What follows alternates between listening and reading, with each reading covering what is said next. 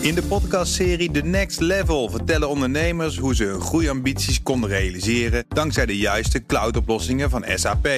Wat waren de uitdagingen, de oplossingen en hoe ging de uiteindelijke implementatie? Benieuwd naar hun verhalen en hoe zij met behulp van SAP ook hun toekomstige ambities kunnen behalen? Luister de podcast The Next Level via de BNR-app of je favoriete podcast-app. BNR Digitaal wordt mede mogelijk gemaakt door Incentro en SecureLink. SecureLink. Safely enabling business. BNR Nieuwsradio. BNR Digitaal. Herbert Blankenstein. De Algemene Verordening Gegevensbescherming AVG, de e-privacy verordening, de bankenrichtlijn PSD2. Bijna niemand heeft zijn zaken voor elkaar en er dreigen boetes.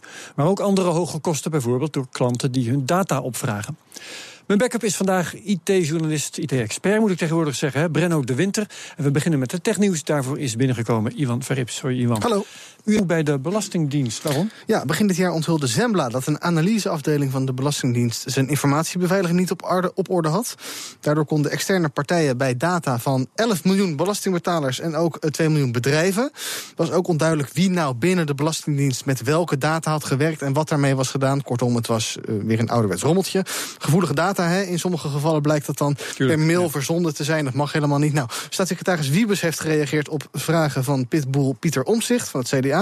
En uh, welke maatregelen zijn er nou genomen? Onder andere de uh, USB-ontheffingen, want die zijn er dus. Hè. Als je stickjes wil gebruiken, dan moet je een ontheffing aanvragen. Nou, kan die, altijd natuurlijk. Die kon je dan krijgen. Ja. Uh, die zijn ingetrokken en ook kan er niet meer gemaild worden vanuit die analyseomgeving. Of daarmee dan de informatiebeveiliging zelf ook op orde is, dat is natuurlijk nog maar de vraag. Maar de grootste zwaktes aan de buitenkant zijn daarmee dan misschien wel weggenomen. Ja, nou, dan laten we Brenno nog wel een keer op los.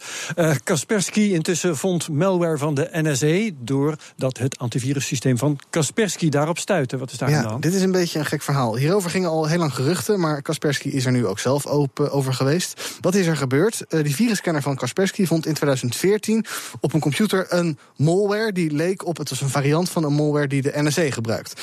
Die malware is toen naar Kaspersky verzonden. Uh, en nu komt het, uh, je weet, Kaspersky ligt, want het gaat automatisch, hè, dat, mm -hmm. dat viruspakket kan dan die data sturen naar Kaspersky voor analyse. Doet. Precies, ja. exact. Ja. Nu komt het bijzondere. Kaspersky ligt in de VS natuurlijk een beetje onder vuur. Um, want wat, Russen. Want Russen. Wat heeft Eugene of Yevgeny Kaspersky, de CEO, nou besloten? Uh, Oké, okay, we hebben die code, die malware nu binnen, maar we verwijderen het. We doen er niks mee, we verwijderen het. Dus het is, als het goed is, ook helemaal niet meer aanwezig bij Kaspersky. Uh, uh, dat is natuurlijk een gigantisch risico. Een beveiligingsbedrijf ontdekt malware in het wild, onontdekt, en dan gooi je het weg als beveiligingsbedrijf. Ja, je moet dat onderzoeken. Brenno, wat vind jij daarvan? Hoe werkt dit? Ja, onbegrijpelijk. Weet je, wat duidelijk is, is dat ze kennelijk niet de klant op de eerste plaats hebben staan. Want um, ze zijn er om malware te stoppen. Dan vind je malware die ja, echt nieuw is en dan gooi je het weg. Is dit om de Amerikanen blij te maken waarbij Kaspersky onder vuur ligt? Dan zou je toch bijna wel denken dat het zo is. Maar het is dan nog, weet je, daar ga, jaag je dan de rest van je klanten weg. Want we weten dus nu dat we nu een bedrijf hebben dat als het ze niet uitkomt, malware niet meer onderzoeken, maar wegmikken. Ja, ja heel bizar. Oké, okay, goed. Dat, ja. uh, dat komt nog wel een keertje verder aan de orde. Ivan uh, vertrekt, dankjewel. En Brenno blijft hier voor de rest van de uitzending. BNR Nieuwsradio. BNR Digitaal.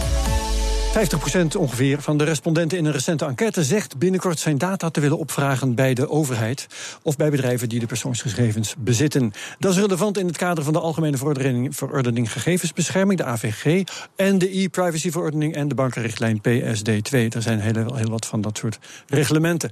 Onder de AVG zijn organisaties vaker aansprakelijk voor zaken die misgaan. Over de praktische implicaties van al die regels en de mogelijke oplossing daarvoor ga ik praten met Ad van Loon, jurist bij Digital Me. Welkom. Dag, dankjewel, Herbert. Uh, vertel over die enquête. Jullie zijn een enquête aan het... Het komt omdat wij steeds meer enquête-resultaten kregen... en die geloofden we niet. Er was zelfs een enquête uit, uh, uit Engeland... waarin stond dat eind mei, eind mei 2018... gaat 70% van de mensen hun persoonsgegevens opvragen bij allerlei organisaties. Dat dat het eigenlijk in veel gevallen nu al kunnen, hè? Kunnen ze nu al, ja. ja dus ja. Uh, dat is heel bijzonder. En toen dachten we van, laten we dat gewoon zelf eens even verifiëren. Gewoon met een eigen enquête. En dat hebben we gedaan.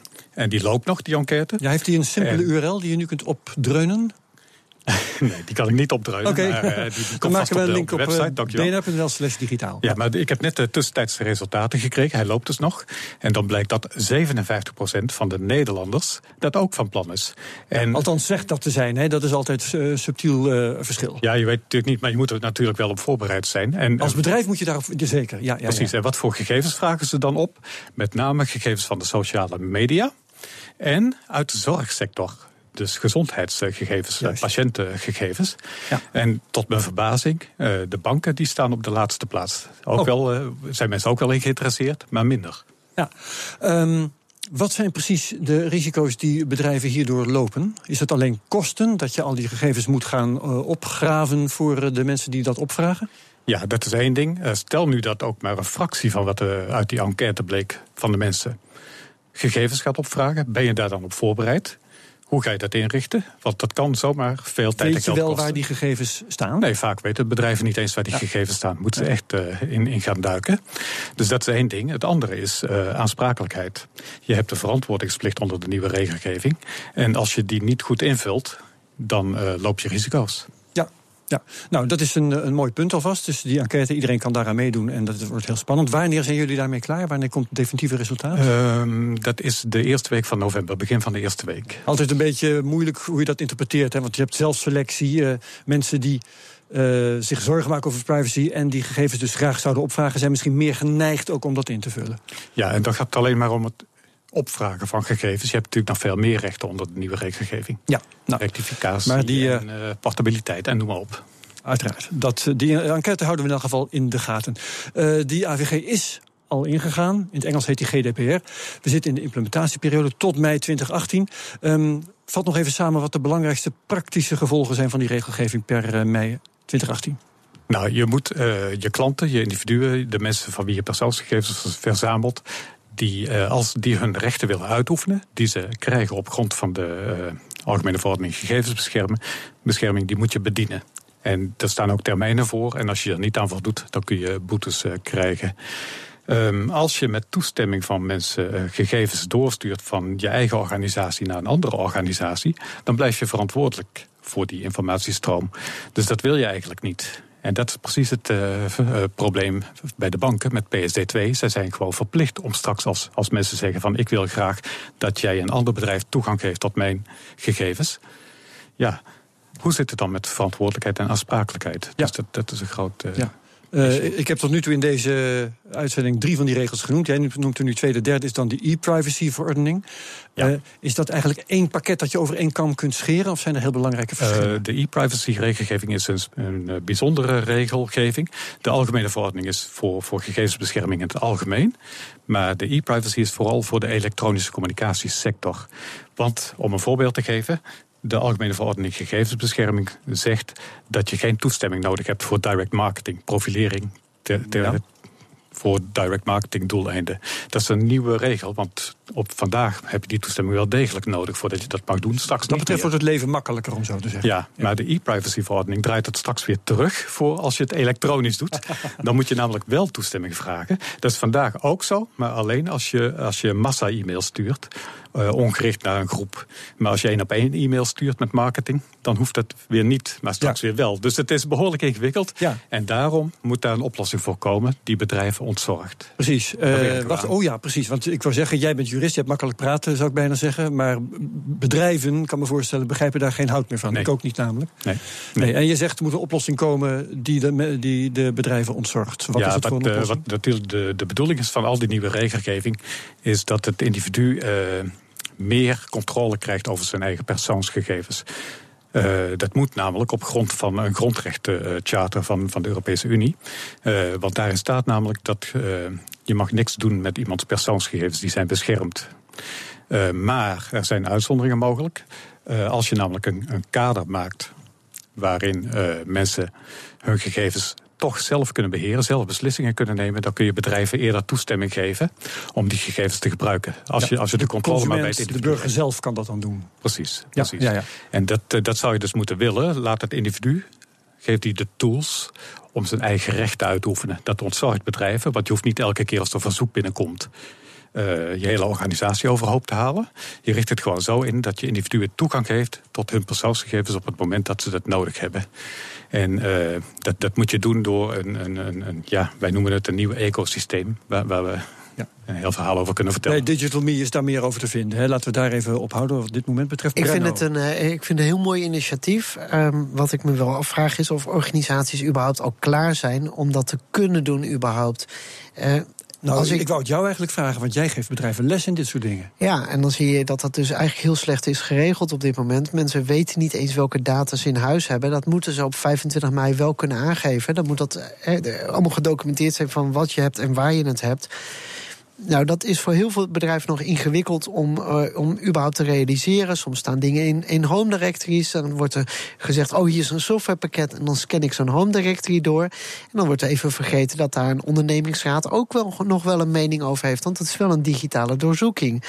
Dus voordat je op het punt komt dat je mensen die toegang kunt uh, ja, geven en gunnen uh, vraag ik me af of bedrijven daar op dit moment en ook overheden wel klaar genoeg voor zijn. Jij hebt geen fijne panklare oplossing daarvoor. Nee, je moet de, de, deze wetgeving betekent wel dat je als je nu nog niet begonnen bent, dat je heel erg veel haast moet gaan maken. Wil je ergens volgend jaar, ik denk niet meer dat je nog op tijd kunt zijn in de meeste gevallen, maar ergens volgend jaar zeg maar, je basale zaken op orde hebben. Ja, in elk geval, als je niet al begonnen bent, en, dan als de Ja, en er zit één heel echt een, echt een addertje onder het gras. Uh, nu is het zo dat zeg maar, de autoriteiten moeten aantonen dat je je zaken niet op orde hebt. Straks wordt het omgedraaid. Jij moet bewijzen dat je je zaakjes op orde hebt. En dan zou zo'n tool wel wat kunnen helpen. Okay, ja, want alles wat je verzamelt aan persoonsgegevens kan tegen je gebruikt worden in feite. Oké. Okay. Hartelijk dank, Ad van Loon van Digital Me. In de nieuwe iMac van Apple kan je zelf je werkgeheugen uitbreiden. Voor het eerst sinds 2012 is dat weer mogelijk. Maar makkelijk heeft Apple het niet gemaakt. En dat hoor je zo. Nieuwsradio. BNR Digitaal.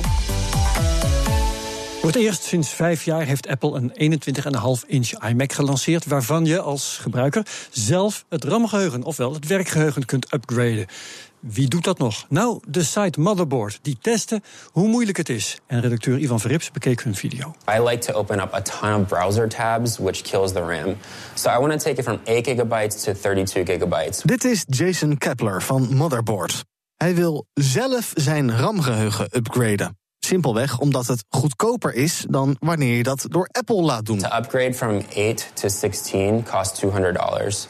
I bought this RAM for $200 and it goes from 8 to 32. So I'm doubling what Apple will sell at $200, the same price. Gemakkelijk is het echter niet. I'll have to take out basically everything in the computer and rebuild it from scratch. Scherm, voeding, ventilator, moederbord, het moet er allemaal uit. Maar gelukkig er is een handleiding van het onvolprezen iFixit. It's got 64 steps, moderate difficulty level. No one knows how long it's going to take. 64 stappen. Oh, en je kunt trouwens niet zomaar aan de slag. Je hebt wel even wat hulpmiddelen nodig. Two sticks of RAM, two iFixit credit cards, a pizza cutter, a spudger, tweezers, small screwdriver, Phillips head, and adhesive strips to put the screen back on. Allereerst steek je de pizzasnijder in het scherm van de iMac. Ja, je hoort het goed. Starting on the left side of the display near the power button, insert the pizza cutter into the gap between the glass panel and the rear enclosure. I can feel it give. Okay, yeah, it's giving, which is good. And I'm using quite a bit of force. Na wat gepiel, waarbij je de indruk krijgt dat het toch echt niet de bedoeling is dat je dit zelf doet, komt het scherm eraf. De volgende stap de voeding verwijderen. Nothing should happen, but there's exposed metal on here and there was voltage running through it, you know, an hour ago. So all you have to do is not touching the metal stuff. I'm just gonna push it with the spudger. Yep, it's out. You just want to make sure you're touching the sides of this, not the top and bottom where the capacitors are. En dan een tegenslag. Een van de kabeltjes komt niet los. So there's no shame in watching someone else do it. Um, I'm watching another video right now. By squeezing the small tab and sliding the connector out of the socket. So there's a tab on the bottom of this cable, and if you squeeze it, yep, see, So there's a little squeeze tab at, on the bottom that you cannot see, and you need to push on that, otherwise it's not going to come out. Had je toch bijna een essentieel kabeltje kapot getrokken. Nou, je ziet, het is een hele operatie. I would say settle in for like a long day of doing this. Don't expect to do it like in an hour or something. It might take three or four hours to do. Um, I'd say that it's like pretty fun, but uh, I, I might have a different sense of fun than a lot of people. Goed, we zijn er bijna. De ventilator moet er nog uit en met vier schroeven verwijder je ook het moederbord. En op dat moederbord zit finally ook het RAM-geheugen. The RAM is right here. We're going to take this out and put the new stuff in. But this is what it should look like. The two sticks of RAM are in there. They're solid. En dan mag alles in omgekeerde volgorde weer teruggeplaatst worden. Maar dan heb je ook wat. A brand new iMac with 32 gigabytes of RAM. We did it.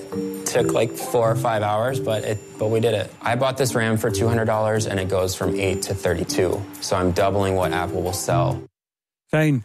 Waarschuwing, don't try this at home. Of ja, misschien juist wel. Je moet er een dagje voor vrij nemen, maar het bespaart honderden euro's. En dat is dan toch weer snel verdiend op die vrije dag. Het hele filmpje van Motherboard vind je op bnr.nl slash digitaal. BNR Nieuwsradio. Herbert Blankenstein. Het door mensen getrainde computerprogramma AlphaGo van Google's DeepMind won begin vorig jaar een potje Go van de beste Go-speler ter wereld. Nu is het tijd voor de volgende stap. AlphaGo heeft geen training door mensen meer nodig. Daar ga ik over praten met Tijmen Blankenvoort. Wie kent hem niet? Uh, artificial intelligence deskundige bij Qualcomm. Ja. Hoi. Hey, leuk dat je dit te zijn. Ja, uh, vorige versies van AlphaGo uh, kreeg miljoenen potjes Go te verteren. Werden gewoon ingestouwd. En daardoor kon het systeem leren welke zetten die moest doen. Waarom is dat nou niet meer nodig? Nou, het, is, het, het begint het eigenlijk überhaupt super fascinerend is, dit hele gedeelte. Want ik was over het eerste algemeen een beetje sceptisch. Want er is heel veel strategie en heel veel kennis van mensen in dat systeem gestopt. En dit systeem leert dus eigenlijk van scratch af aan, leert hij dit, dit spelletje spelen. Het is een beetje alsof ik jou opsluit op je zolderkamer met een schaakbord. En na een maand kom je daaruit en ben je ja. wereldkampioen. Met, met een tegenstander die er ook niks van kan. Nou nee, hij heeft het zelf geleerd. Jij kan ook tegen jezelf spelen als je gewoon op de andere stoel gaat zitten. Oh, ja, ja. dus en dat doet dit algoritme dus. Die speelt zichzelf Ik heb dus. dat als kind wel overwogen, maar dat werd, werd niks. Want ik wist altijd wat de andere kant van het plan was. Ja, nou doet dit eigenlijk heeft het algoritme precies hetzelfde probleem. Maar goed, eh, wa- waarom is dit nu mogelijk? Nou, het grappige is dat het systeem nu eigenlijk veel meer als een mens leert en veel minder als een machine. Dus het, is, het lijkt gewoon meer op een mens. Ja, oh spannend. Ehm, eh, waarom, waarom is dat trainen met data dan eigenlijk... Gaan ze dat nu afschaffen? Is dat nou niet meer nodig? Nou, je hebt nog steeds data nodig, maar de data wordt gemaakt door dat algoritme zelf. Dus wat het doet, het, eh, het kopieert zichzelf honderden keren. En dan gaat het heel veel tegen zichzelf spelen, heel veel potjes. En dan combineert het alle kennis die is opgedaan tijdens al die spotjes weer in één algoritme. En daarna, eh, na het leren, kopieert zichzelf weer een paar honderd keer. En zo blijft het doorgaan. Ja. Dus door dat te doen, simuleert hij dus eigenlijk wat wij in de laatste 3000 jaar hebben gedaan op het gebied van Go. Heel veel potjes spelen met heel veel mensen en al die kennis met elkaar delen. En dat doet hij eigenlijk dus in één maand. eh, leert hij beter te zijn dan het beste algoritme wat hiervoor nog is gemaakt. Ja, want, eh, precies, dat, dat eh, algoritme dat wereldkampioen won van de menselijke wereldkampioen... dat is nu in de pan gehakt door wat hieruit is ontstaan. Ja, compleet. Ze hebben dit dus eh, getest. En er was al een versie die beter is dan de wereldkampioen. Die versloeg hem al 60 tot 0. Deze versie verslaat de oude versie, die al beter was, 100 tot 0. Dus 100 wins, 0 losses. Het is vele, vele, vele malen beter. Jij bent zelf Go-speler? Ik kan een beetje Go spelen, ja. wat maakt het spel zo ingewikkeld? Nou, het, het spel is ongelooflijk ingewikkeld, omdat er heel veel mogelijke bordposities zijn. Ehm, en wij als mensen kunnen er vrij goed mee overweg. Wij kunnen een bordpositie bekijken en zeggen, ah, dat is een goede bordpositie of een slechte. Maar voor computers is dat heel lastig, want die moeten heel veel bordposities in de toekomst gaan bekijken. En er zijn heel veel posities. Eh, de, de eerste zet die je kan zetten, daar heb je 400 keuzes. De volgende eh, heb je ook weer 400 keuzes, dus 160.000 eh, stappen. dat gaat heel hard. En dat gaat ongelooflijk hard. Hè? Dus na 10 stap heb je meer deeltjes dan dat, dan dat in, in het universum zitten. dus Zoveel brute- mogelijkheden. Brute force is hier geen optie. Is niet te doen. En dat Nee. maakt het spel zo moeilijk. Ja, Brenno, ben jij vertrouwd met Go? Eh, ik ben niet vertrouwd met Go. Ik ken natuurlijk wel het verhaal. eh, bij schaken was dat natuurlijk ook met dat schaakbord. eh, eh, op een gegeven moment hè, van verdu- verdubbel dat telkens. en Ja, elk, bord Ja, precies. dubbel zoveel Dus- graankorreltjes. Ja, Ja. dat Ja. idee. Ja. Ja. Dus dat gaat ongelooflijk hard. Ja, dus, dus dat, ik zit me alleen af te vragen, inderdaad, er, er wordt geen echte tabel gemaakt. Het is echt, hij leert zichzelf dus een algoritme aan. Ja, eigenlijk wat erin zit in dat algoritme is een neuraal netwerk. En wat hij doet, is hij kijkt naar een bord en hij probeert te voorspellen wat zijn de volgende zetten die gezet kunnen worden. En hij probeert te, te voorspellen wie gaat in deze situatie winnen of verliezen. En wat het dan heel erg stoer gaat maken, is natuurlijk als je zoiets gaat inzetten op bijvoorbeeld cryptografie om dat te kraken. Nou, dat, is wel- in de- ja. Ja, Want waar is het verder van eh, eh, toepasbaar? Nou ja, eh, dit is eigenlijk overal voor toepas van, van toepassing op het moment dat je een situatie hebt die je goed kan simuleren. Dus eh, cryptografie zou je misschien inderdaad goed kunnen simuleren. Dan kan je de computer heel veel voorbeelden van genereren. Maar ook bijvoorbeeld bij eh, zelfrijdende auto's. Als jij een hele goede autosimulator hebt. je gewoon los in het verkeer. Ja, dan zeg je gewoon, nou weet je, ga- gaan we, gaan we lekker een ma- maandje rijden in de Grand Theft Auto. En dan leer maar uit jezelf hoe je Oh, moet rijden. Niet in het echte verkeer, maar in een Nee, nee, wel ja, in de, in de simulatie. omgeving. Zeker, ja. ja, ja. Ja. ja je wil, wil natuurlijk niet miljoenen keer de mist in gaan in de echt. Dat zou, zou Nee, zonde zijn. dat is, dat is niet rendabel. Zeg, ehm je hebt ooit eens gezegd, gevleugelde woorden vergeet ik nooit in eh, de Technoloog, onze podcast. Ja. Het, het IQ van AI is nul. Ja. Is dat nu veranderd? Nee, daar- daar, blijf ik nog steeds bij. Want, want dit algoritme kan nog steeds alleen maar Go spelen. Dus het, doet, eh, het gaat geen Russische poetry schrijven of eh, wereldproblemen oplossen. Ja. Het kan alleen, alleen maar Go. En dat is toch best wel een restricted klein probleempje.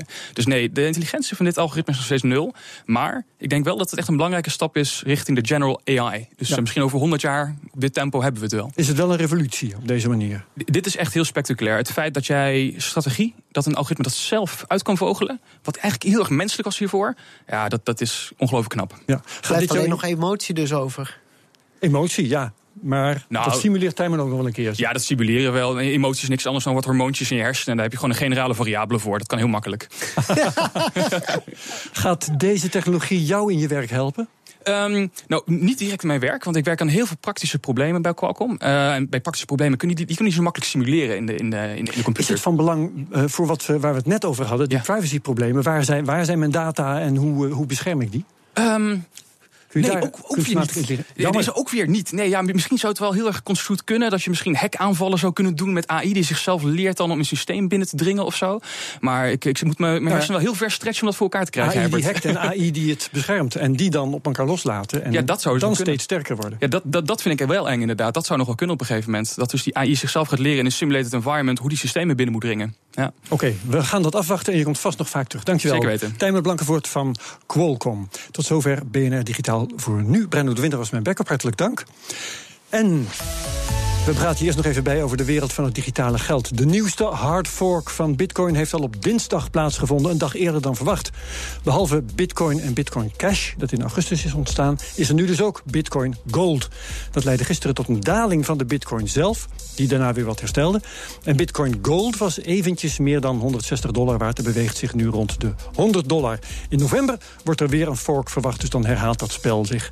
Voor de koers van dit moment gaan we voor de echte Bitcoin en de Ether gaan we naar de beursredacteur Frans Kromer op de redactie. Frank. eh, Frank. Ja, Frank, dat maakt niet Neem uit. je eh. Herbert. Kan gebeuren. Ja, Bitcoin staat nu eh, min 2,5% op 5530 dollar. Ethereum ook in de min, min eh, 4,1% op eh 297 dollar. En voor de rest de hele top 10 eigenlijk van de crypto's allemaal in het rood. Oei, jammer. Misschien volgende week beter. Jij in elk geval bedankt, Frank Kromer, op de redactie wat BNR Digitaal betreft. Dit was het. Tot volgende keer. BNR Digitaal wordt mede mogelijk gemaakt door SecureLink en Incentro, een IT-bedrijf. In de podcastserie The Next Level vertellen ondernemers hoe ze hun groeiambities konden realiseren dankzij de juiste cloudoplossingen van SAP. Wat waren de uitdagingen, de oplossingen en hoe ging de uiteindelijke implementatie? Benieuwd naar hun verhalen en hoe zij met behulp van SAP ook hun toekomstige ambities kunnen behalen? Luister de podcast The Next Level via de BNR-app of je favoriete podcast-app.